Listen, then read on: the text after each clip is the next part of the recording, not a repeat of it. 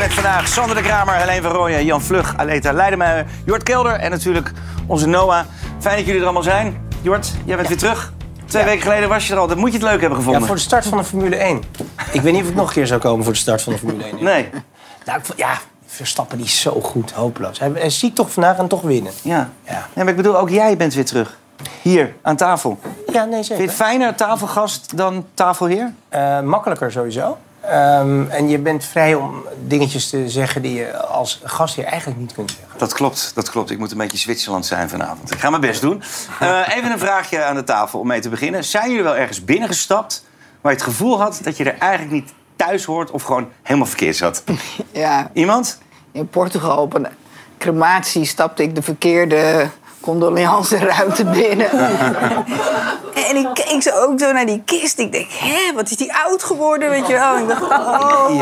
En die mensen kende ik niet. Dat was dus de verkeerde. Was een vrouw geworden opeens? En, eh, Nee, het was wel een man, maar het was de verkeerde man. Ja. Ja, was leuk. Ja, ik heb het wel eens meegemaakt. eh, in, even kijken, ik was toen 18 jaar, 19 jaar. Toen liep ik de marathon in Rotterdam. En toen dacht ik van, eh, ik wil een beetje ver naar voren.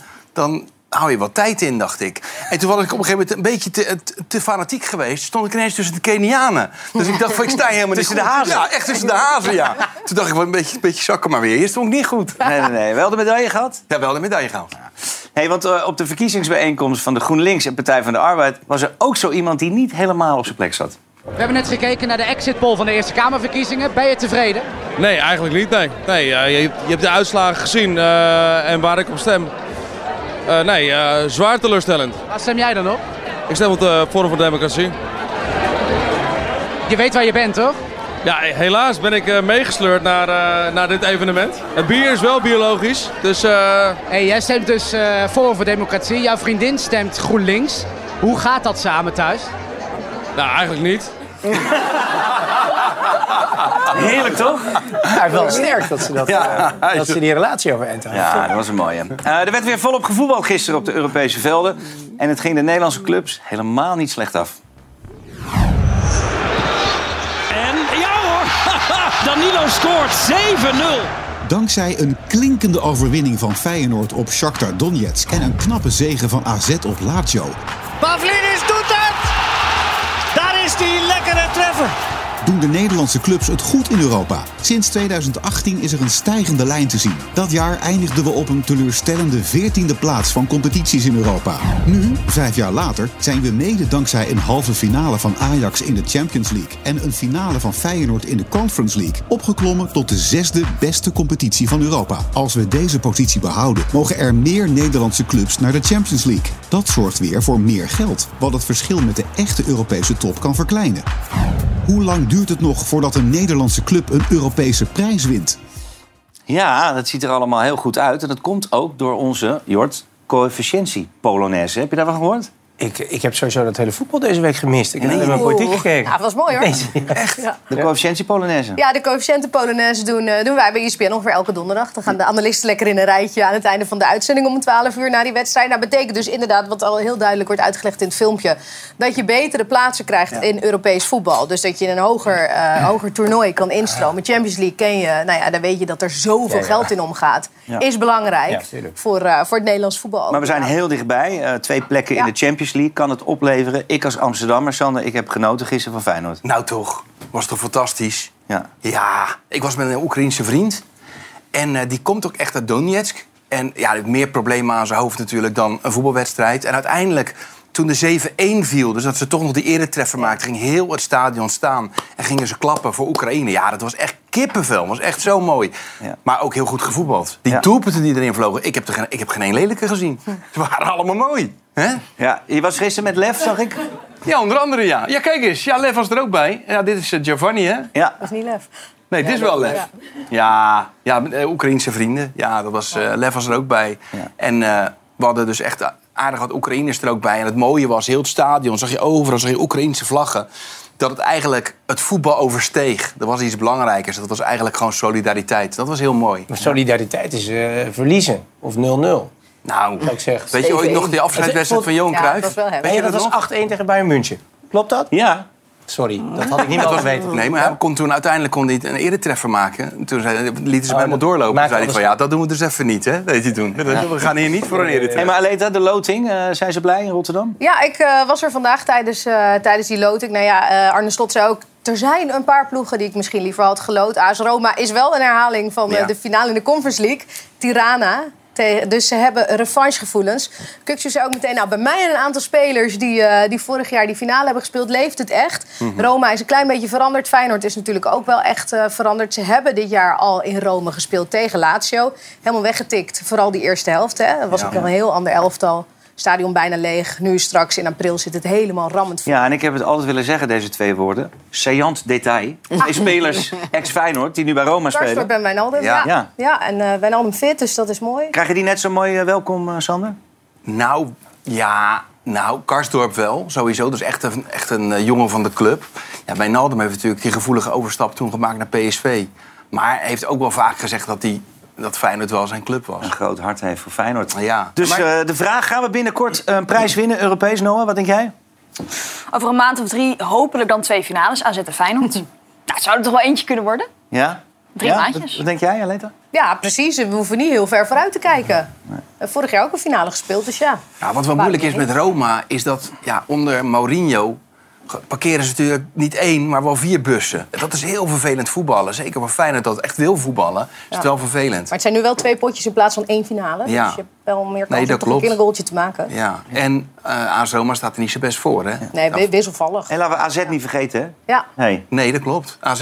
Ja. Die Ja. hebben gewoon Lazio verslagen. Snap je? Dat- en dat Ja. was met die loting van... nou, dit is wel de moeilijkste die we kunnen krijgen. Ja. En dan uitwinnen, gisteren afmaken. Ja, dat is ook fantastisch. Gaan nu tegen Anderlecht spelen. Ja, en AZ heeft een hele auto. gunstige loting daarmee. Want Anderlecht staat voor mij negen of zo. Ik bedoel, die die, die zit gaan. Sport. Hey, Ik ja. Sport, ja. Sorry, Ja, ja. Sorry. Ik moet hier weg. Ik Ah, waar het eh, hart van het vol is. verkeerde programma me. Nou, Oké, ik, ik beloof jou, eh, straks pas meer sport. Ehm, Ik mag hoor, maar ik voel Eerst even het volgende. Eh, de financiële crisis, Jort. 2008. Wat springt daar voor jou bovenuit? Wat is daar echt blijven hangen? Twee momenten. Het eerste is natuurlijk het meest iconische beeld van die bankiers van Lehman op 15 september. Als dat hele ding valt, hè, de, de bank der banken, de systeembank. Dat ze dan met allemaal dozen naar buiten lopen in New York. Ja, dat is toch wel. Ja, was het in Amerika gaat, eh, vijf minuten om je kantoor te verlaten. Voor mijzelf, eh, dat is een week of twee, tweeënhalf later. Dan valt ABN Amro eigenlijk. En dan heb je die nachtelijke vergadering dat Wouter Bos, minister van Financiën, dan moet vergaderen met de Belgen. Fortis is eigenaar, hè, de Belgische bank om dat voor ons dan terug te kopen. Daar zijn we heel trots. En dan zit ik op een boot in Saint-Tropez. Dan ben ik aan het draaien voor bij ons in de PC, mijn tv-programma dan. Mhm. En dan, dan zit je in zo'n omgeving met alleen maar hele rijke mensen... die allemaal heel veel geld... in Kan allemaal niet op. En, en op een gegeven moment zegt zo'n kerel van mij, tegen mij... Zo, nou, we gaan nu zo de kroeg in. Maar technisch zijn we eigenlijk allemaal failliet. Surrealistisch. Ja, toen zijn we toch de kroeg ingegaan. Ja. Dat dan weer wel. Ja, en, eh, en toch eh, dreigt er nu 15 jaar na dato een nieuwe financiële crisis aan te komen. Grote paniek deze week in de financiële wereld. The abrupt closures of three banks in a matter of days that are now raising concerns about the U.S. banking system. De belangrijkste bank die omvalt is de Silicon Valley Bank. De gestegen rente brengt de bank in grote problemen. Als de klanten van de bank daar lucht van krijgen, eisen ze massaal hun spaartegoed op. Maar ook dichter bij huis gaat het mis. De Zwitserse centrale bank moet het noodlijdende Credit Suisse redden met een kapitaalinjectie van ruim 50 miljard euro. I think there is growing concern about just how robust the bank is. Het doet allemaal denken aan de financiële crisis in 2008. Toen moesten grote Nederlandse banken als ING en ABN AMRO met miljarden aan overheidsgeld overeind gehouden worden. Het zijn niet alleen maar de banken die onderuit gaan. Nee, ook de gewone Nederlanders merken dat de crisis dichterbij komt. Je weet soms niet eh, of je over een jaar nog een baan hebt. Staat ons financiële systeem op instorten? Belangrijk, Jort, dat we dit behandelen. Zeker. Ik denk voor iedereen. Want voor heel veel mensen, ja, techniek, moeilijk. Het zal wel goed zitten bij die banken. Maar het gaat ons allemaal aan. Als het valt, dan zijn we allemaal aan het bibberen. Ja. Ja. Eh, Arno, jij bent financieel journalist. In een week tijd zijn er in Amerika drie banken omgevallen. Wat is er aan de hand? Met die Amerikaanse banken, wat zij eh, fout hebben gedaan, is dat ze hebben gegokt op, eh, ja, op de verkeerde rente eigenlijk. Het is ontzettend sneu. Ik vergelijk ons financiële systeem met een bankier. Ik zat net aan een bar, dus ik gebruik die analogie maar. Een bankier die eh, de hele avond zit die zich klem te zuipen. Iedereen die kijkt ernaar en die weet van dit gaat fout. Hoe precies, dat weten we niet. Als hij op de fiets stapt, gaat hij tegen de linkerstoep of de rechterstoep. Maar fout gaat gaat het. nog, misschien nog een knokpartij. Maar je ziet dat het zo vol zit met alcohol dat het een keer fout moet gaan. Je had veel eerder moeten ingrijpen. En bij het financiële systeem is er eh, idiote overkreditering. Eh, dus eurocrisis zeggen, nou Italië, je moet de boel saneren. Nou, dan verdubbelen ze de schuld. Kijk naar wat er tijdens de pandemie met de hypotheken is gebeurd in Nederland. Huizenprijzen 20% omhoog tijdens een recessie. Dat is een centrale bank die alleen maar geld bijdrukt. Er is geen politieke wil en lef om, om je systeem echt te, te saneren. Dus dan doe je meer doormodderen, meer van hetzelfde. Nog een biertje erbij, nog een biertje erbij. En dan, dan krijg je op een gegeven moment de situatie... dat zelfs overheidsobligaties gevaarlijk worden. Ja. Dus ik, ik zit naar je te luisteren. Hè, en het, het is dus heel belangrijk. Onze kijker zit hier ook te luisteren. Als we dit eventjes eh, naar wat dichterbij kunnen trekken. Wat gebeurt er dan? Waarom is het zo belangrijk? Nou, laten we naar die, eh, die, Amerikaanse banken. Ze hebben iets gedaan. Europese banken zouden dat ook kunnen doen. Je hebt letterlijk een, een stuk eh, een staatsobligatie, zo heet dat. Ja, dat is een stuk papier. Dat is hoe dat werkt. En tijdens die pandemie is heel veel geld bijgedrukt. En de Amerikaanse overheid die mag geld lenen tegen 0,6 procent. Die Silicon Valley Bank, die, eh, die heeft allemaal eh, techbedrijven als klant... die dan meer winst maken, zoals Netflix. Iedereen neemt een abonnement. Netflix weet niet wat ze met het geld moeten. Dumpt dat bij die, bij die eh, Silicon Valley Bank. En die Silicon Valley Bank die weet niet wat ze moeten doen. Die, gebrek aan creativiteit, die kopen allemaal overheidspapier van Amerika. Alleen, ja, dan komt er inflatie. Dan zegt de Amerikaanse centrale bank... we gooien de rente een beetje omhoog. Alleen dan heb je dus dan heeft die Silicon Valley Bank... die heeft allemaal rente met 0,6 procent. Terwijl het nu 3 of 4 procent is. Dus hun oude staatsobligaties, dat is het veiligste hè, wat je kunt bedenken... waar je in kunt beleggen, die, die zakken dan in waarde. Kijk naar wat er met de huizenprijzen gebeurt in Nederland. Hetzelfde. Rente gaat omhoog, waardes gaan omlaag en nu gaan zij kapot. Dat kan dus op, het, op een heel veilig... en heel snel ook wel. En heel snel. En dat, dat, is, dat gebeurt dus in zo'n eindspel. Dus Op je- één dag, hè? De, de 43 miljard, geloof ik, eh, opgenomen. eh, do- 43 miljard dollar op één dag. En dat is eigenlijk, hè, als wij maandagochtend gaan pinnen met z'n allen... dan is het bankwezen weg. Hoeveel Eigenlijk procent als hebben we het dan over? Ik geloof dat het zo'n procent of 10, Arno, gemiddeld zeg maar, opgevraagd wordt. Dan zijn alle banken weg. Nou, die, die, dat, dat valt mee. Want wat er nu in Amerika gebeurt, en dat zal, eh, gebeurt ook in Europa al... is dat die centrale banken die gaan gewoon door met dat eh, verruimen wat ze deden. Quantitative easing. Ja, mensen vinden het heel ingewikkeld. We kunnen dat... eh, kunnen dat als je wil. We kunnen Ja, heel graag. In een, laten we een, Heel graag, in een minuut. In een minuut. Oké, jij, bent, eh, jij bent de Johnny Bank. Ja. Najib Amali zegt altijd dat jouw familie ontzettend goed is in het verzinnen van namen. dus, eh, En formats. Ja, dus jij hebt op een gegeven moment komt een Russische spaarder bij jou. En die zegt, Igor, en die zegt, eh, Johnny Bank, hier is een miljoen euro spaargeld. Ga dat voor mij beleggen. En jij koopt een leuke badeend. En een, nou, mooi hoor. Ja, dit heb je allemaal. Op een gegeven moment komt die Rus terug en die zegt, ik wil, ik wil mijn spaargeld. Nou, dan moet je dit eens verkopen. Nou, nu hebben we iets moois en dat heet centrale, centrale bankinterventie. En wat de centrale bank doet als ze de economie willen stimuleren... is dat zij echt geld gebruiken van ons allemaal om dat aan die bank te geven. Dus je mag, als je de economie wil stimuleren als eh, Christine Lagarde... president van de centrale bank in Europa... ik mag niet gewoon briefjes uitdelen aan het publiek. Dat ga ik dus ook niet doen. Eh, wat Duizend mag- euro, toch? Is dat? Duizend bijvoorbeeld. Nou, kijk, we kunnen zeggen, weet je wat... eh, Zit je eigen portemonnee? ja, de, laten we zeggen, weet je wat, ik ga jou helpen. Ik, beste bank, ik ga, jou nu, ik ga iets van jou kopen. Dus als een centrale bank verruimt, dat heet een asset swap. Dus ik beloof nu als centrale bank bijvoorbeeld 100 euro in de economie te stoppen. Juist.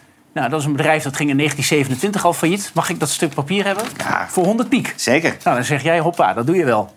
Nou, dan gaan we nu naar het nieuws kijken. Is de, oeh, ik zie nog steeds financial crisis op dat. dus er is nog steeds paniek in de financiële markten. Ja, 30 seconden, Arno. Dan moet ik doorgaan. Dan zeggen we, nou, mag ik dat bad eentje hebben? Nog een keer 50 piek. Ja. Ja, prima. Nou, op een gegeven moment zit ik vol met jouw rotzooi.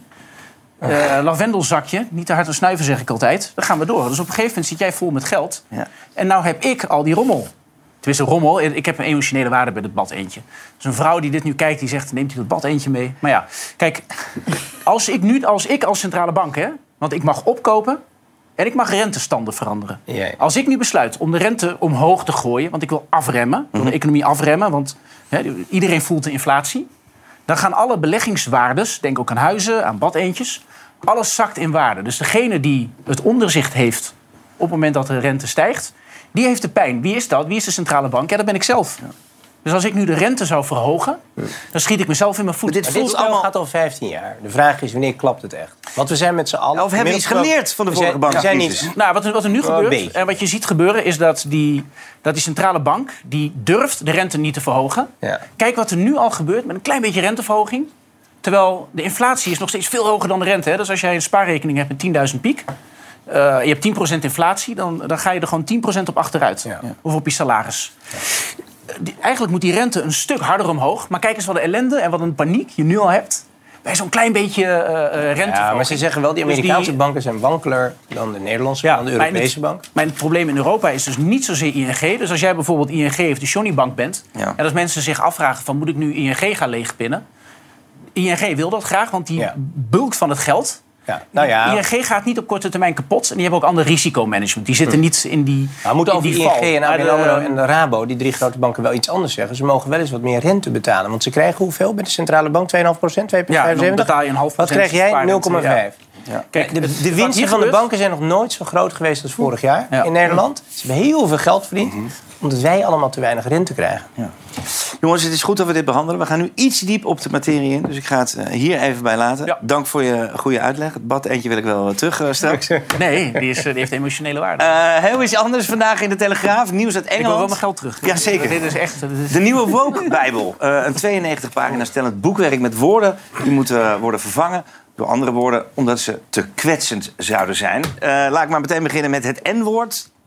Dat is natuurlijk logisch, ik ga het hier niet zeggen. Ja, dat maar ik vind het wel raar dat als je zelf een N bent, dat je het dan wel weer mag zeggen. Dan, dan, ja, dat is ook weer curieus in alle raps. Ja.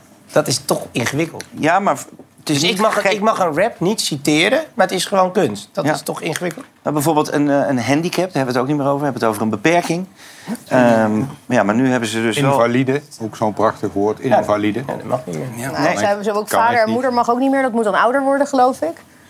Dat zat ook in die... Dat je eh, er dan vanuit gaat dat ja. het een man en een vrouw is. Dat Ja. vind ik helemaal niet Ho- inclusief. hoofdkantoor mag geen hoofdkantoor meer heten. En vrouw, hè? Vrouw is een eh, kwetsbaar woord. Vrouw? Je bent geen vrouw meer, je bent een mens met een baarmoeder. Ja. En, en al dan die eierstokken. Ah, joh. Ja, nee. Dat is geen Staat geintje. dat daar ook in? Dus de zwarte markt mag je niet meer zeggen. Ja, je schijnt Want? eruit. Nee. Wat is het dan? Ja, omdat het woordje zwart daarin zit. Oeh. Maar je kan geen boeken meer schrijven op die manier, dat is duidelijk. Dus dat we nu een, een informele... Doe even terug. Dat, Ja, eh, juist wel. Terug het kaartje, ja. Zwarte markt is nu een informele economie. Eh, toekomstige moeders, zeggen we liever, mensen die zwanger zijn. Nou, daar is je... Een vluchtelingencrisis is verboden, want migratie is een complex fenomeen. Dit slaat een beetje door, of niet, Jort? Het is compleet krankzinnig. Kijk, dingen veranderen altijd. Eh, natuurlijk, want als je nu de taal van voor de oorlog zeg maar, zou spreken, is ook raar. Dus dingen mogen wel veranderen. Maar dit is opgelegd. Weet je, je kan niet in een boek voor ons gaan bepalen wat wij gaan zeggen. Het moet iets natuurlijk. Het werkt alleen maar weer. Jan, lastig om overal rekening mee te houden? Of, of Nou, weet je, ik- ben- iedereen is een beetje klaar met het feit dat iedereen altijd maar gekwetst eh, is. Hè? Dat, er, dat er allerlei maatregelen worden ge- getroffen eh, om maar te voorkomen dat mensen gekwetst raken. Mensen zijn zo makkelijk eh, gekwetst, ja. Weet je, eh, dat is niet te voorkomen en ik denk ook dat je het wel heel ingewikkeld maakt. Maar ik wil, hè, het N-woord, dat kan gewoon echt niet meer. En dan moet je het nog steeds wel aan mensen uitleggen hoor, waarom dat dan niet meer kan. Hè? Omdat je, als je op de balans van een, van een plantage kijkt in Suriname, daar staan koeien, kippen en eh, negers. Eh, dat is afgrijzelijk, eh, hè, dat, dat kan gewoon echt niet meer. En dan moet je regelmatig, moet ik dat toch nog wel uitleggen aan mensen. Vooral omdat mensen zeggen, ja, maar ze doen het zelf ook. Ja. Vorige week Ja, was dus- het, eh, het boekenbal. Ik, ik, de- vraag werd daar gesteld. Ja, ja, Ehm. Let je op wat je schrijft eh, met mensen Ja. met lange tenen, inderdaad, de overgevoeligheid? Ja, ik, het gekke is, het speelt wel in je hoofd. Je weet het wel, omdat je zoveel erover leest dat je er wel over nadenkt. Maar ik, als ik toch, als je schrijft, moet je het ook loslaten. Want je moet ook je personages dingen kunnen laten zeggen. Als iemand een heel naar personage is, die de hele tijd scheldt of vervelende dingen zegt of onaardig is tegen andere mensen, moet je dat wel kunnen uitdrukken. Zo'n persoon zal nooit zeggen eh, mensen met een baarmoeder. Maar het was wel echt een thema, hè? Ja, het was een thema. En mensen waren door natuurlijk de, de hele geschiedenis met eh, Pim Lammers, die, de, die kinderboekenschrijver, die do- doodsbedreigingen kreeg. Het werd wel. Die zelf ook nu een beetje angstig is geworden en zegt van ja, ja, ik, bij elke zin denk ik nu na. Van wordt dit uit zijn verband gerukt? Eh, wordt dit gebruikt? Dus ja, dat maakt het natuurlijk wel lastig. Maar je, ja, Maar wie, wie bepaalt dit eigenlijk? Want dat is natuurlijk interessant. Als die schrijvers Ja. gewoon hun gang zouden gaan, Tuurlijk. vrijheid waar, waarvoor je dat beroep ook gekozen Ja. hebt, dan is er niks aan de hand, toch? Nee, maar dat zullen ze ook doen, neem ik aan. Alleen het, het speelt ineens in je hoofd wat je natuurlijk nooit eerder hebt gehad. Dat je Ja. denkt van, oh ja, oh, ik ga hier nu over nadenken. Dat is gewoon heel gek. In, mijn, in mijn eerste boek, De Gelukkige Huisvrouw... toen heb ik een Bargoens Dat alleen, nee, maar huisvrouw. Dat alleen al. Huisvrouw. Nee, niet dat kan De. Gelukkige Huisvrouw, dat is sowieso fictie. Dat is sowieso fictie. Maar toen heb ik een Bargoens Gelukkig huismens moet dat tegenwoordig zijn. Gelukkig woning. Ja, nee, toen heb ik een Bargoens woordenboek gekocht en heel veel scheldwoorden erin gegooid. Omdat ik het zo heerlijk vond. Dat ik eindelijk gewoon kon schelden. En me niet, want ik was journalist. Ik schreef voor damesbladen. Dan moest, moest je ook altijd wel een beetje opletten. En nu mocht ik echt. Er zitten heel veel scheldwoorden in. Maar er komt toch ook een bevrijdende Dat is tegenreactie het. hierop. Maar Dat je- kan toch niet anders? Maar je hebt ook heel invloedrijke mensen. Jamie Lee Curtis, die een eh, Oscar heeft gewonnen afgelopen week. Die maakt dan bekend dat ze graag wil dat er over die Oscar... dat daar de persoonlijke, woorden, persoonlijke voornaamwoorden they en them voor worden gebruikt. En geen he of her. eh, om, om haar eh, eh, transseksuele eh, dochter te eren. En mensen nemen dat over. Want dat is, ja, dat is een Oscar-winnares. En, die, eh, en, zo, en dat- vanuit Amerika slaat het dan weer over naar Europa. Het is gewoon een beweging. En het zal ook Maar het is een goede vraag voor jou, Jort. Uit, ja, wie is dat? Wie zijn dat? Ja, ze kunnen je niet dwingen om iets te zeggen. Ik snap het gevoel van dat N-woord op dat die gevoeligheid snap ik wel. En ik, ik, zou dit dus ook niet gebruiken. Alleen al om, omdat ik het gewoon niet nodig vind. We zijn niet op de wereld gezet om elkaar te kwetsen of zo. Dat is helemaal niet nodig. Maar het is wel een raar soort. Iemand op een gegeven moment bepaalt, dit doen we niet meer. En het is natuurlijk een heel klein woke gemeenschapje die voor ons bepalen. Die wel heel veel lawaai maken. Sensoren die voor ons een lijstje hebben aangelegd wat wij wel en niet mogen doen. Het vervelende is natuurlijk, je, er zit ook heel veel achter wat best wel raar is. Hè? Dus als je zegt, nou, bepaald sociaal onrecht, dat wil je niet. Eh, Het punt terecht eh, over dat N-woord, zullen we maar zeggen. In, in, in boekhoudkundige zin. Alleen dan wil je daarin meegaan en dan komt er achteraan iets van... ja, maar vrouwen bestaan niet, want er zijn 88 genders. Weet je, dan krijg je dat soort dingen. Ja, dat, en het dat is- de, het is een volgens sociaal mij- construct. Ja, je hebt ook een, een, dat je je associeert met, met sterren. De, de Astra-gender, dat bestaat ook. En dat is hetzelfde als dat je een vrouw bent. En dan Ja. ontken je het bestaan van vrouwen. Nou ja, en dan- ik, ik zie niet in hoe dat nou eh vrouwvriendelijk is. wordt wel heel dus, die- dus die gekkigheid doet dat nou een beetje wat minder. dan. Ja, en niemand durft er bijna weer wat van te zeggen. En niemand durft meer voor elkaar te gaan staan. Nou, maar dat is zo. Iedereen gaat steeds meer op de tenen lopen van... oh, laat me niks zeggen, want het wordt me meteen weer kwalijk. Ga, gaan we niet meedoen, Sam? bizar, ja. Gaan wij niet aan meedoen. Eh wij gaan door met eh, de misdaad. Eh, begin deze maand werd 15 jaar cel geëist tegen Peerke S. Een drugscrimineel die kon worden opgepakt... doordat de politie versleutelde communicatiedienst Enrochat wist te hacken. Met EncroChat kunnen criminelen met elkaar communiceren zonder dat iemand die berichten kan lezen of afluisteren. Het kost een paar centen, maar dan heb je ook wat. De gebruikers betalen 1000 euro voor een telefoon en ik geloof 3000 euro abonnementsgeld. En dan hebben ze eigenlijk eh, de zekerheid dat ze niet afgeluisterd kunnen worden. Maar dat lijkt nu weggegooid geld. Het is de politie gelukt om de versleuteling van EncroChat te kraken en alle berichten te onderscheppen. Dus als het ware hebben we weer real-time over de schouders van de criminelen mee kunnen kijken. En we hebben kunnen anticiperen op elke beweging die zij gezet hebben. Op deze manier konden al tientallen criminelen worden opgepakt. Waaronder de beruchte drugsbaas Pirke S. Politie! Maar zoals altijd staat de techniek niet stil. En staan de opvolgers van EncroChat alweer klaar om criminelen buiten het zicht van de politie te houden. Wat is de volgende stap in de geheime communicatiewedloop? Ja, de EncroChat, Jan, eh, maken criminelen massaal gebruik van. Klopt. Waarom eigenlijk? Maakten eh, criminelen massaal gebruik van? Nou, omdat er in Nederland natuurlijk vrij veel wordt, eh, wordt afgeluisterd door eh, politie en justitie. zijn mensen uitgeweken naar dit soort, dit soort diensten. Pretty good privacy, hè, PGP. Nou, dat bleek erg tegen te vallen. Dus je, door allerlei internationale samenwerking heeft de Nederlandse justitie een enorm oceaan aan van dit soort eh, encryptieberichten gekregen. En ze worden steeds handiger om daarin te zoeken. Ja. ik dacht dat criminelen altijd nog van die hele oude Nokia's gebruikten. ja, dat is lang, zo, lang zo geweest. Maar eh, dat is, ja, ook dat is, eh, ja, weet je, dat, het is een soort van kat-en-muisspel. Het is een soort wapenwedloop. Hè? Dus de justitie rent daar voortdurend achteraan. Nou, die dingen die zijn inmiddels heel makkelijk te kraken. Ja. Ehm, en je ziet ook eh, eh, bijvoorbeeld dat mensen uitwijken naar dingen als Signal. eh, waarmee je, eh, je het behoorlijk, eh, behoorlijk privé kunt houden. Dat is wel grappig, want toen ik een abonnement nam op Signal en ik eh, mijn eh, eh, adressenboek over eh, liet schrijven. Toen zag ik ineens allemaal rechters, officieren, rechercheurs die allemaal op Signal zaten. Ja, ja, ja. Eh, die Wat dus is ook wel Signal? graag- Wat is Signal? Signal is een, is een app die eh, eigenlijk, nou ja, die kun je vrijwel niet afluisteren. Dus ook eh encryptieberichten kun je ook, eh, kun je overigens ook gewoon mee bellen. Eh, En dat is ja. beter dan Telegram. Tele- Telegram, is Russisch. Dat is natuurlijk ook... eh, dat is daar Het klinkt wel triest. betrouwbaar. Inge, jij hebt eh, bij de IVD gewerkt. Eh, hoe gaat de politie te werk om deze, deze communicatiedienst te kraken? Ehm, nou, er zijn verschillende manieren om dat te doen. Er zijn natuurlijk ehm, er zijn verschillende acties geweest. EncroChat is één in een serie van vijf hele grote acties. Eh, dat kan je doen door het platform zelf van buitenaf eh, binnen te dringen. Ofwel de devices eh, onder je te krijgen. Dus bij een aanhouding of zoeking in beslagname van de devices, dus de telefoons die toegang geven of die verbonden zijn met dat netwerk. Er zijn verschillende manieren om dat te doen. Dat is nog de makkelijkste stap. En dan heb je in dit geval van EncroChat meer dan 25 miljoen berichten... waar je dan nog chocola van moet maken. Dus dat is een heleboel werk. En dan kan je dus een hele tijd meekijken tot je op een gegeven moment besluit... we hebben genoeg. Eh, ja, het ligt eraan hoe lang de actie kan en mag duren. Dus dat is, eh, daar is een technisch eh, verhaal aan. Maar ook de wet vindt daar ook wat van. Dus hoe lang mag je meekijken? Ehm, maar het mooie is, ook als je hem heel kort meekijkt... als je de hele server in beslag neemt... en de communicatie van een paar jaar terug staat erop... dan heb je nog, eh, nou, zoals in dit geval, de politie heeft nog jaren aan werk... waar ze eh, in kunnen gasduinen. Ja.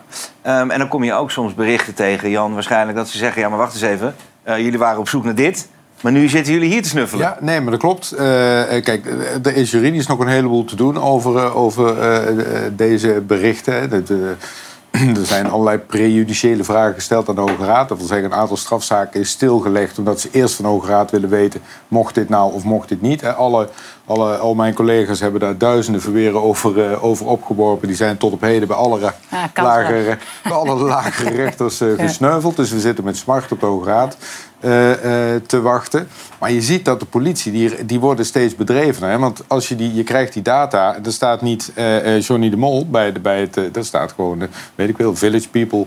En dan moet je erachter zien te komen, wie is Village People? Ja. Dat, worden, dat kunnen ze steeds beter. En als je steeds meer gebruikers hebt, dan kun je gaan zeggen... wie heeft nou contact met wie en waar gaat het over?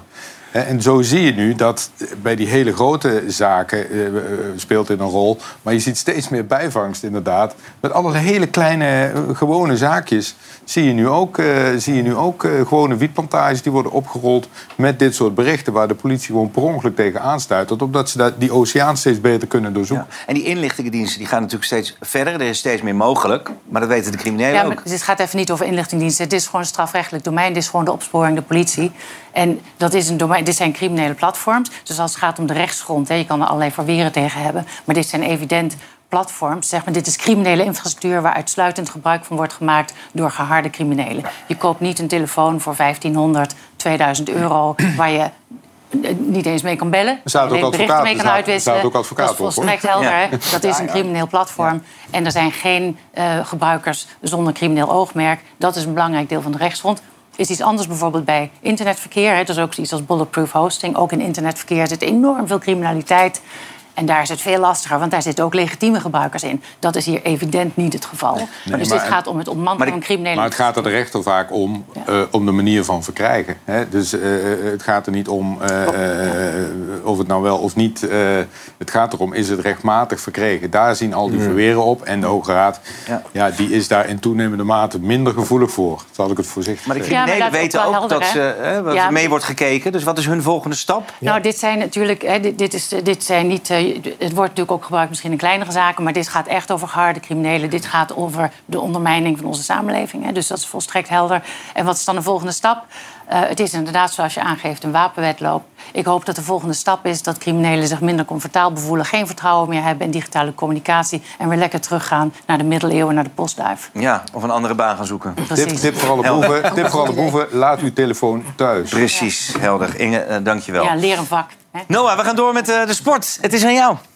Ja, een bomvol sportweekend weer. Wat te denken bijvoorbeeld van de Formule 1. Max Verstappen wil op het stratencircuit van Jeddah zijn jacht op de derde wereldtitel voortzetten. Ja, en ook Nick de Vries hoopt natuurlijk weer in de punten te rijden... wat hem het eerste weekend niet lukte. Jort, jij bent al een beetje afgehaakt, merk ik. Helene, vind jij het nog spannend? Nou, het, is geloof ik al niet meer spannend. Want iedereen zegt ook van ja, hij gaat toch winnen. Niks is, is dodelijker voor sport dan als je al weet wie de winnaar is. En je moet nog een heel seizoen kijken. Dat is eigenlijk niet leuk. Wel een beetje waar. Ja, en zondag is het weer tijd voor El Clasico. Barcelona thuis tegen Real Madrid. Ja, mochten Frenkie en Co nou winnen... dan is het gat met de Madrilenen al 12 punten. En dan komt die eerste landstitel sinds 2019 wel heel dichtbij. Maar goed, zondagmiddag dan gaan wij natuurlijk allemaal klaarzitten voor het volgende. De klassieker. Lange geschiedenis. Rotterdammers in het spannende gevecht. Grote uitstraling. Vol verwachting, vol hoop.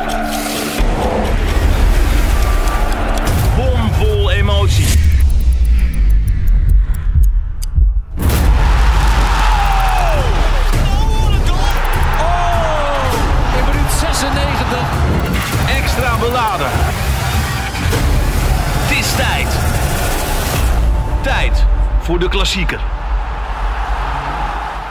Ja, Ajax tegen Feyenoord, de klassieker. Feyenoord hebben we het net al even gehad. Wonnen gisteren met 7-1 van Shakhtar Donetsk. Ja, Sander, dat geeft ze wel veel vertrouwen, denk ik, voor zondag. Nou, we hebben er wel zin in hoor. Ja, jazeker. Maar de afgelopen jaren, lekker op z'n Rotterdams ook. Ja, er komt er wel Rotterdams uit, ja. ja. Ehm, de afgelopen jaren heeft Feyenoord het wel lastig gehad in de arena. Weet iemand aan tafel wanneer de laatste keer was dat ze wisten te winnen? Nou, dat willen we niet weten. Kijk, Aleta.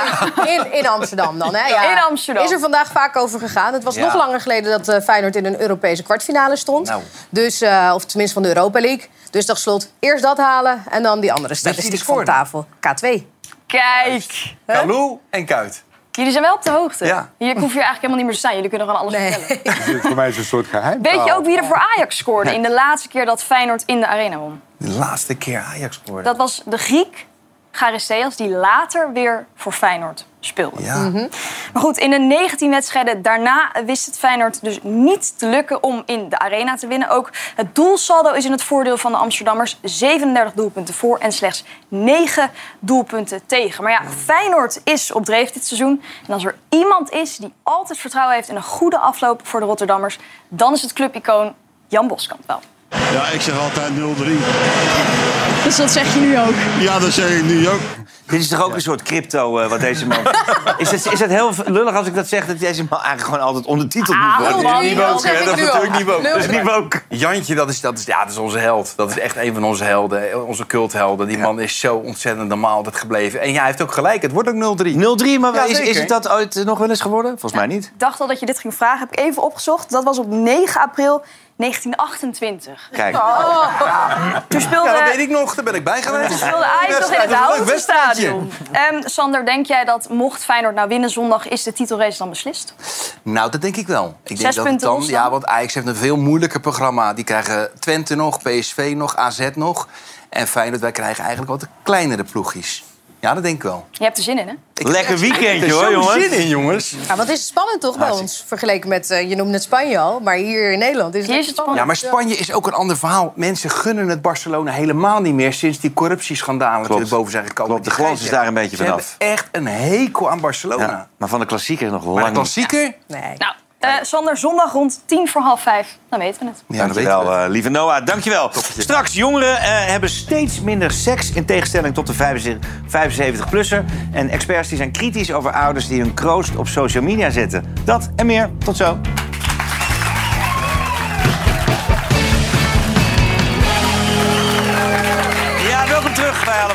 Eh, straks gaan we het hebben over eh, seks, Jort. Eh, Sorry, ik dacht dat het over financiële wereld ging. Zeker. Hij heeft allemaal met elkaar te maken. Seks en Eh, geld, eerst social media, jongens. Ehm, TikTok, Instagram, wie is actief? Nou, TikTok niet, nee. TikTok nee, TikTok ook niet. Nee, daar ben ik ook En voor. actief ben ik sowieso Ja. niet echt. Wel, Inst- wel Instagram ook. Een beetje, Ja? een beetje Insta. Beetje Insta? Jij, jij bent En vol, hè? Ik zit vol op Insta, ja. Facebook ook nog. Ja. Oh ja. Ja. En jouw dochter TikTok, dat is toch dat, eh, dat je met zo'n stokje en dan twee... eh, is... Ah, dat weet jij wel. want- Instagram, Want Instagram jouw dochter is Ja. influencer. Ja, dat klopt. Knappe dame. Ja, die doet het goed. Wat vind je daarvan? Nou, ik vind het knap. Ja. Hartstikke goed geluk, zeg ik dan. Hartstikke goed geluk. Maar je maakt je geen zorgen over de likes, de commentaren, hoe dat gaat? Nee, ze is wel heel erg gehard, denk ik. Ze heeft toen eh, aan het programma Hollands Next Topmodel mee- meegedaan. En eh, daarna heeft ze echt een carrière gemaakt in de modellenwereld. En toen werd ze heel snel volwassen. Dus ze houdt ook wel heel veel dingen af waarvan ik denk van... oh, doe je hartstikke goed. Zij is natuurlijk... Ze is verder dan ik. Precies, Daarin. dat sowieso. 23. En ze is 23. Eh, het gaat nu over experts die hebben eh, kritiek geuit op ouders... die hun kinderen op social media plaatsen.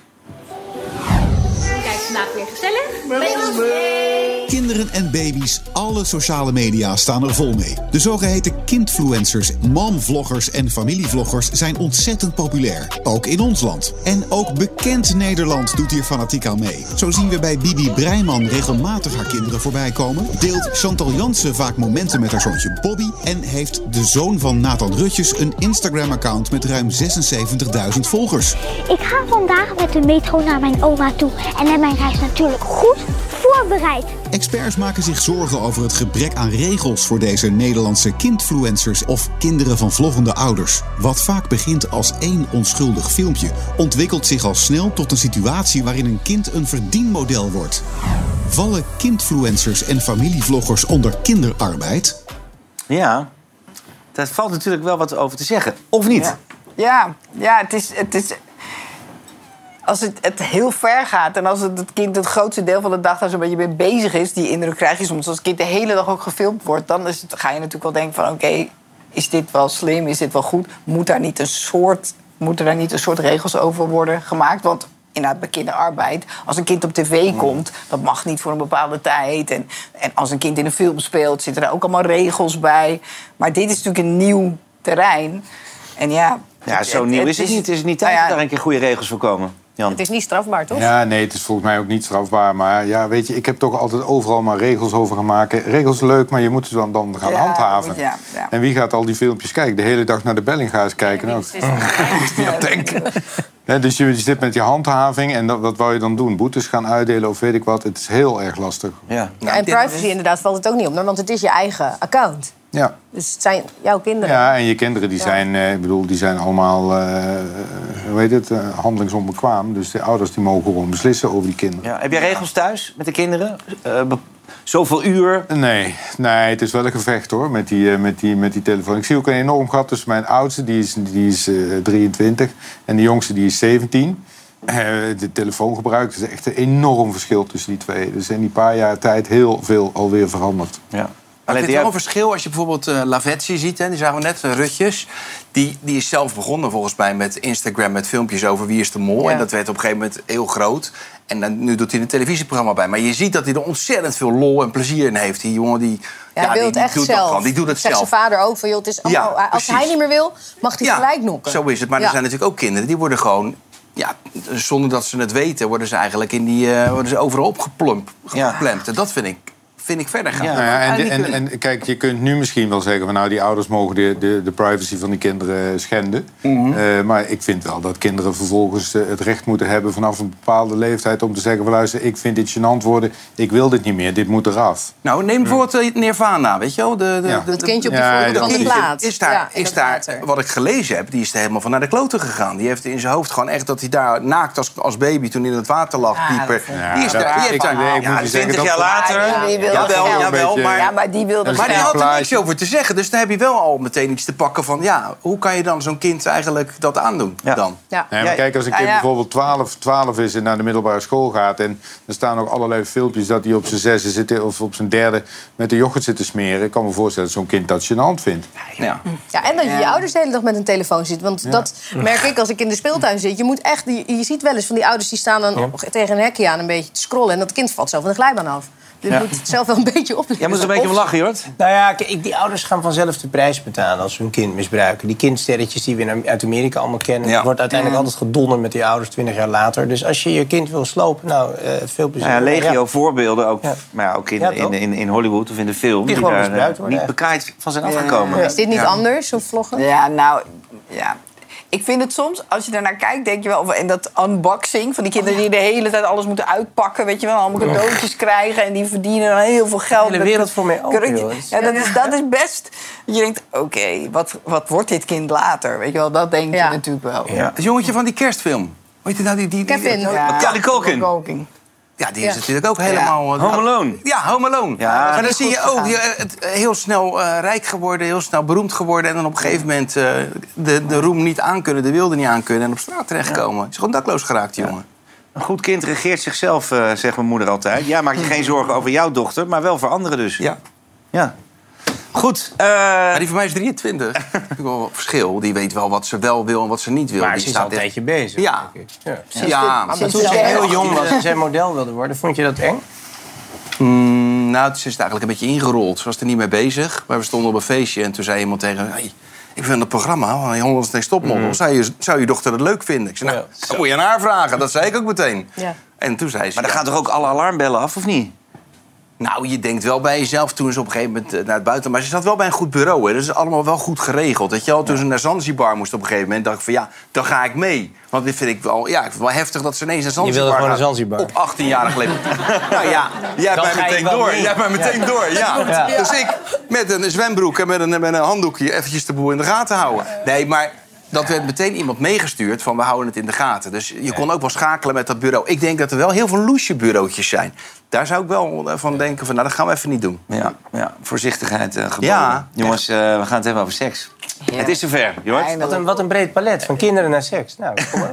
Eh, het spreekwoord, ze doen het als konijnen. Dat lijkt niet meer van deze tijd. Want volgens de gezondheidsenquête van het CBS... hebben jongeren steeds minder seks. Terwijl 75-plussers steeds vaker van bil gaan. Ja, het zit ik al helemaal zo blij. Ik krijg net een, een appje van mijn moeder. Die zegt, nou, ik blijf nog even kijken. Die bent er helemaal blij van.